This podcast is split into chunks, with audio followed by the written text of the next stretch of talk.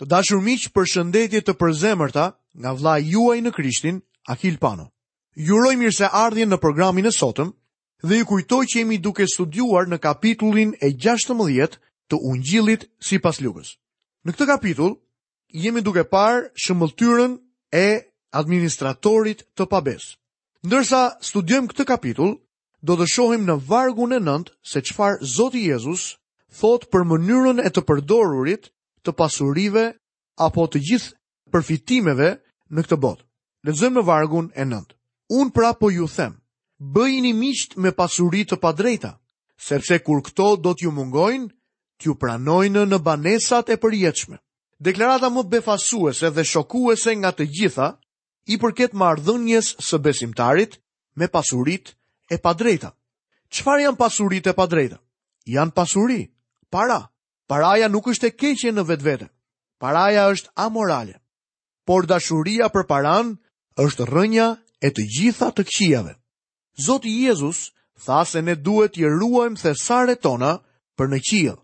Ne duhet të jemi të zgjuar në mënyrën se si i përdorim paratë tona. Kur ne të harrohemi ose të mbërrijmë në fundin e jetës tonë, do të jemi të mirëpritur në qiell. Le të lexojmë nga vargu i 10 deri në vargun e 12. Kush është besnik në të vogla, është besnik edhe në të mëdhat. Dhe kush është i padrejtë në të vogla, është i padrejtë edhe në të mëdhat. Pra në qoftë se nuk keni qenë besnikë në pasuritë e padrejta, kush do t'ju besojë pasuritë e vërteta? Dhe në qoftë se nuk keni qenë besnikë në pasurinë e tjetrit, kush do t'ju japë tuajën? Ne jemi administratorë të asaj që është materiale. Ne jemi përgjegjës përpara Perëndisë për mënyrën se si i përdorim pasuritë e tij.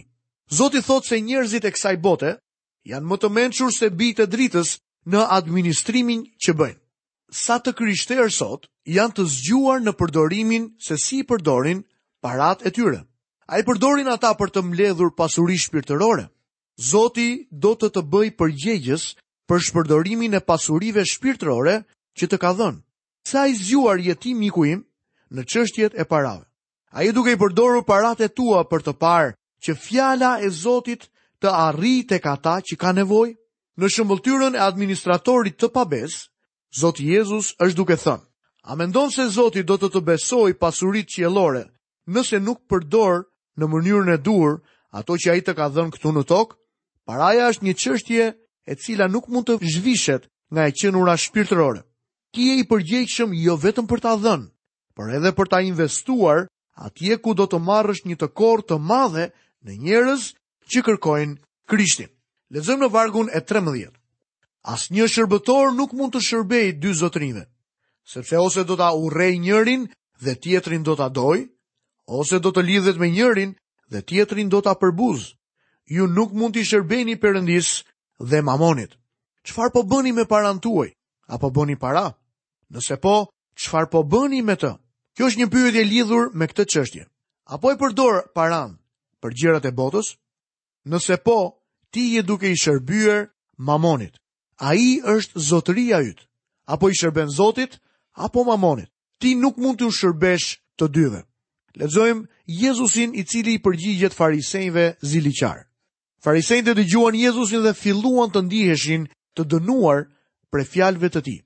Lexojmë në kapitullin e 16 të Ungjillit sipas Lukës, vargjet 14 deri në vargun e 17. Dhe farisenjtë, të cilët ishin shumë të dhënë pas parasë, i dëgjonin të gjitha këto dhe e tallnin. Dhe ai u tha atyre: Ju jeni ata që e justifikoni veten përpara njerëzve, por Perëndia i njeh zemrat tuaja, sepse ajo që vlerësohet shumë ndër njerëzit është gjë e neveritshme përpara Perëndisë. Ligji dhe profetët arrijnë deri në kohën e Gjonit, që atëherë shpallet mbretëria e Perëndisë dhe gjithkush përpiqet që të hyjë aty. Por është më lehtë që të mbarojnë qielli dhe toka, sesa të bjerë poshtë qoftë edhe një pikë nga ligji. Zoti e njihte zemrën e fariseut. Perëndia e njeh zemrën time dhe zemrën tënde. Ne mund t'i dalim përballë njëri-tjetrit, por jo Zotit. Ne nuk mund të matemi me standardin e Perëndisë. Shohim më poshtë se si Zoti Jezus është duke folur për divorcin. Lexojmë në vargun e 18. Ai që e lëshon gruan e vet dhe merr një tjetër, shkel kurorën. Dhe ai që martohet me një grua të lëshuar nga burri, shkel kurorën. Nëse ky varg do të ishte i vetmi në shkrim për subjektin e divorcit, nuk do të ekzistonte divorc për një të krishterë. Ky varg duhet të krahasohet me Ungjillin e Mateut kapitullin e 19 dhe me shkrimin që gjejmë tek letra e parë e Korintasve në kapitullin e 7 dhe vargun e parë. Zoti ynë foli për këtë subjekt. me ata njerëz që ishin nën ligj, sepse ata po bënin dritën e ligjit të Zotit. Tani mbërrijmë sërish në një shëmbëlltyrë tjetër që paraqitet vetëm nga Luka. Nuk besoj që kjo histori është një histori imagjinare. Besoj që Jezusi e nxori këtë histori nga jeta e vërtetë, pikërisht ashtu siç bëri dhe me shëmbëlltyrat e tjera. Zoti Jezus përdori ilustrime shumë të njohura për dëgjuesit e tij. Ata e dinin saktësisht se për çfarë ai ishte duke folur. Ai përdori emrin e njërit prej individëve të përfshirë në këtë shëmbëlltyrë. Zoti nuk mund të jepte emrin e dikujt që nuk ekzistonte. Lexojmë në vargun e 19. Por atje ishte një njeri i pasur, që vishej me të purpurta dhe me rroba të çmueshme prej liri dhe përditë e kalonte shkëlqyeshëm. Kjo është historia e një njeriu të pasur që jetoi dhe vdiq pa Zotin. Kjo na çon në një fushë për të cilën nuk dimë asgjë. Në këtë shëmbëlltyrë Zoti Jezus kalon nga kjo botë në tjetrën pa bërë asnjë ndërprerje.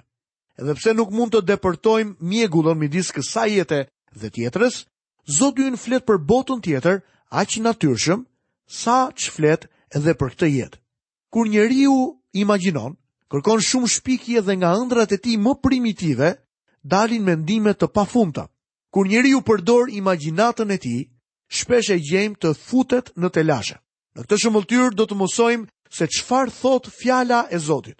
Kanë ekzistuar vetëm katër njerëz që folën me autoritet për sa i përket jetës përtej vdekjes. Zoti Jezus, Lazari, Gjoni që mori zbulesën dhe Pali që u rrëmbye në qiellin e tretë. Lexojmë në vargjet 20 dhe 21. Atje ishte edhe një lypës i quajtur Lazar.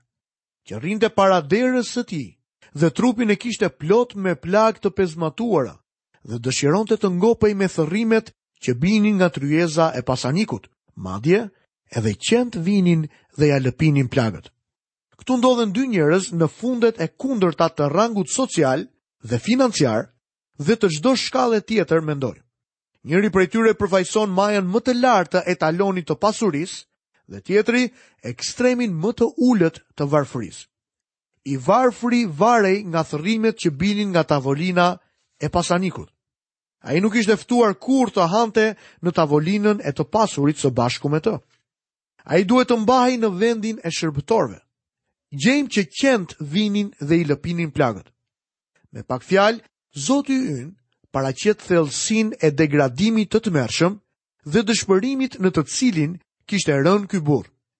Jam më se i bindur se nëse do të kishit jetuar në atë qytet, ndoshta do të mendonit se Lazari i varfër, i veshur me rrecka, nuk kishte asnjë mbretësi apo pasuri shpirtërore. Jam i sigurt që të gjithë ne do ta kishim quajtur atë një rast të pashpresë. Nga ana tjetër mendoj se njeriu i pasur kishte shumë ndërtesa me emrin e tij. Ndoshta një kishë, shkollë apo ndërmarrje misioni. Jam i sigurt se ai kishte një emër të mirë në qytetin ku jetonin këta dy njerëz. Gjithsesi, të gjithë njerëzit në qytet mund të shihnin dukshëm pamjen e jashtme të këtij të pasuri dhe lypsit, plagët e të cilit lëpiheshin nga qentë. Kjo është një pamje e mirë e varfërisë dhe e pasurisë ekstreme. Dy njerëz nuk mund të kenë qenë më larg se kaq. Lexojmë vargun e 22. Por ndodhi që lypsi vdiq dhe engjëjt e çuan në gji të Abrahamit. Vdiq edhe pasaniku dhe e varrosën. Zoti ynë vjen pikërisht tek dera e vdekjes dhe kalon përmes saj, sikur të mos kishte asgjë të pazakontë. Kur lypsi vdiq, nuk pati funeral për të. Disa njerëz e morën trupin e tij dhe e hodhën në lëndinën e Gehenës, ku hidheshin dhe digjeshin mbeturinat. Ky ishte vendi ku e hodhën trupin e atij njeriu të varfër në atë kohë. Në minutën që lypsi Lazar doli nga dera e vdekjes, engjëjt u bënë mbrojtësit e tij dhe ai u çua në gjirin e Abrahamit. Njeriu i pasur vdiq dhe u dogj. Ai pati një funeral të madh dhe predikuesi e shtyu gjatë gjithë rrugës në vendin më të lartë në qiell. Problemi vetëm ishte se predikuesi kishte ngatërruar drejtim. Njeriu i pasur shkoi në drejtim krejt të kundërt. Lexojmë vargun e 23. Dhe duke pasur mundime në ferr, i çoi sytë dhe pa nga larg Abrahamin dhe Lazarin në gji të tij. Vini re dy gjëra. I humburi shkoi në një vend mundimesh. Njerëzit pas vdekjes e njohin njëri-tjetrin. ne nuk mund të humbasim identitetin tonë. Fjala ferr në greqisht është Hades, që do të thotë bota që nuk mund të shihet. Në fakt ferri është një vend që nuk është hapur akoma. Lexojmë për të vetëm kur arrijmë tek zbulesa kapitulli 20 dhe vargu i 10, ku na thuhet se banorët e parë të ferrit do të jenë antikrishti dhe profetët e rremë. Kur Lazari dhe njeriu i pasur vdiqën, ata shkuan në botën që nuk shihet, vendi ku rrinë të vdekurit. Vdekja është një ndarje. Nuk do të thotë kurrë zhdukje. Adami ditën që hëngri frutin e ndaluar, vdiq. Ai nuk vdiq fizikisht. Kjo ndodhi vetëm pas 900 vjetësh. Por atë ditë, Adami u nda nga Perëndia. Jezusi foli për të kur tha: Unë jam ringjallja dhe jeta. Ai që beson në mua, edhe sikur të duhej të vdesë, do të jetojë. Dhe ai që jeton e beson në mua, nuk do të vdesë kurrë përjetë. Njeriu është i ndarë nga Perëndia për shkak të mëkatit. Njerëzit vdesin ndërsa jetojnë. Apostulli Pal u tha Efesianëve: Ai ju dha jetë juve që ishit të vdekur në faje dhe në mëkate. Disa vende janë me të vërtetë të gjalla dhe gumëzhijnë gjatë gjithë natës.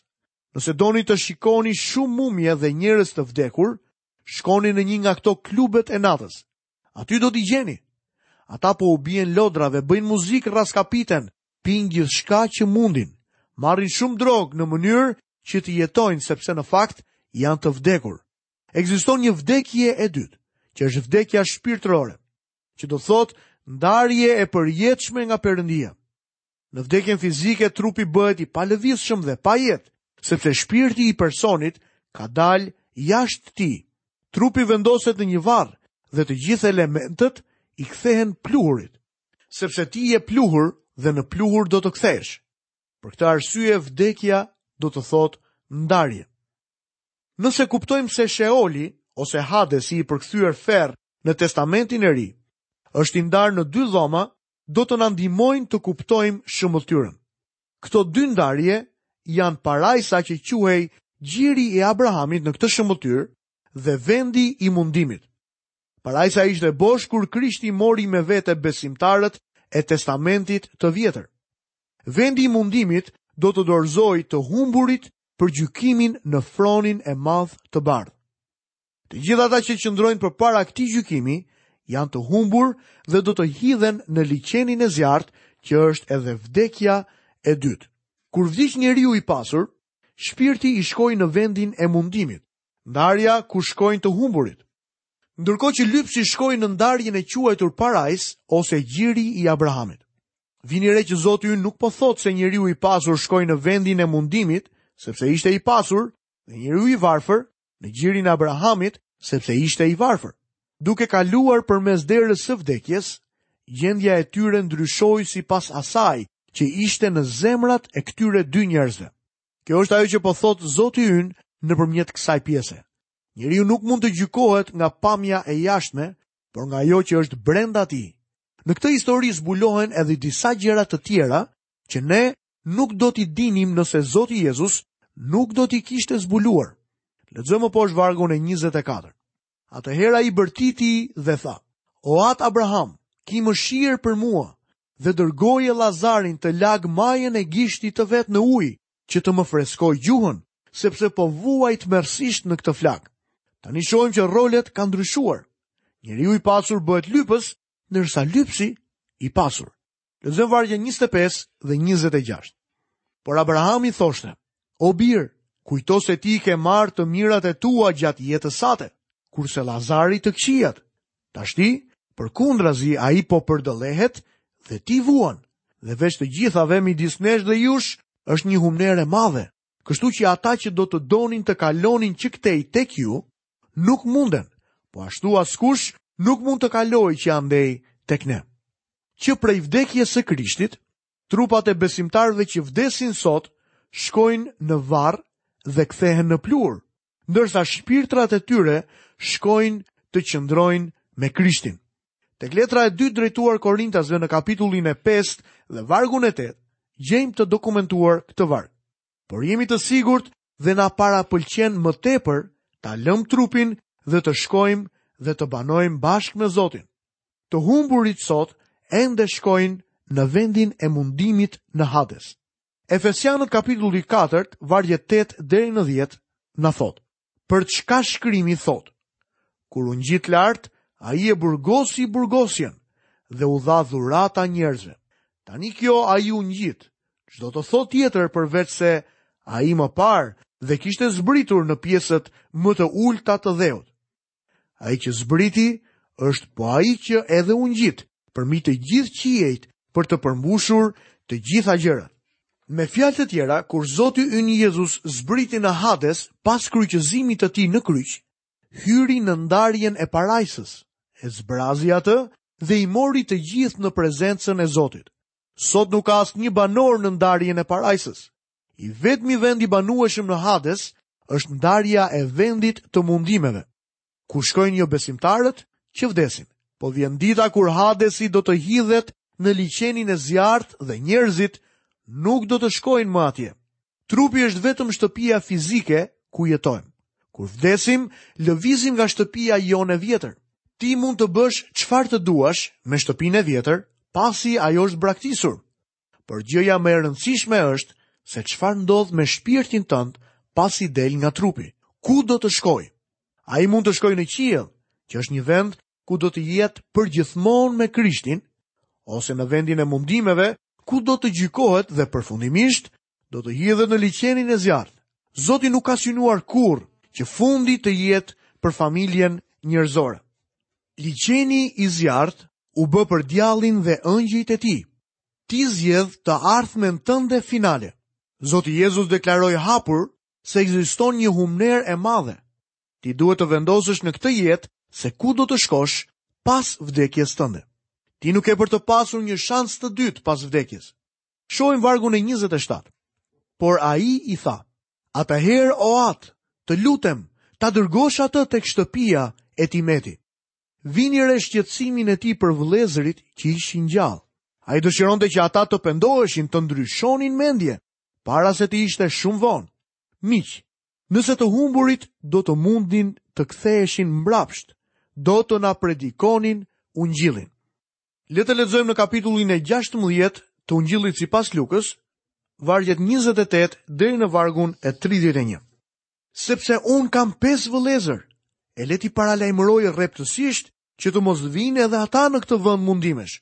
Abrahami u përgjigj: Kanë Moisiun dhe profetët.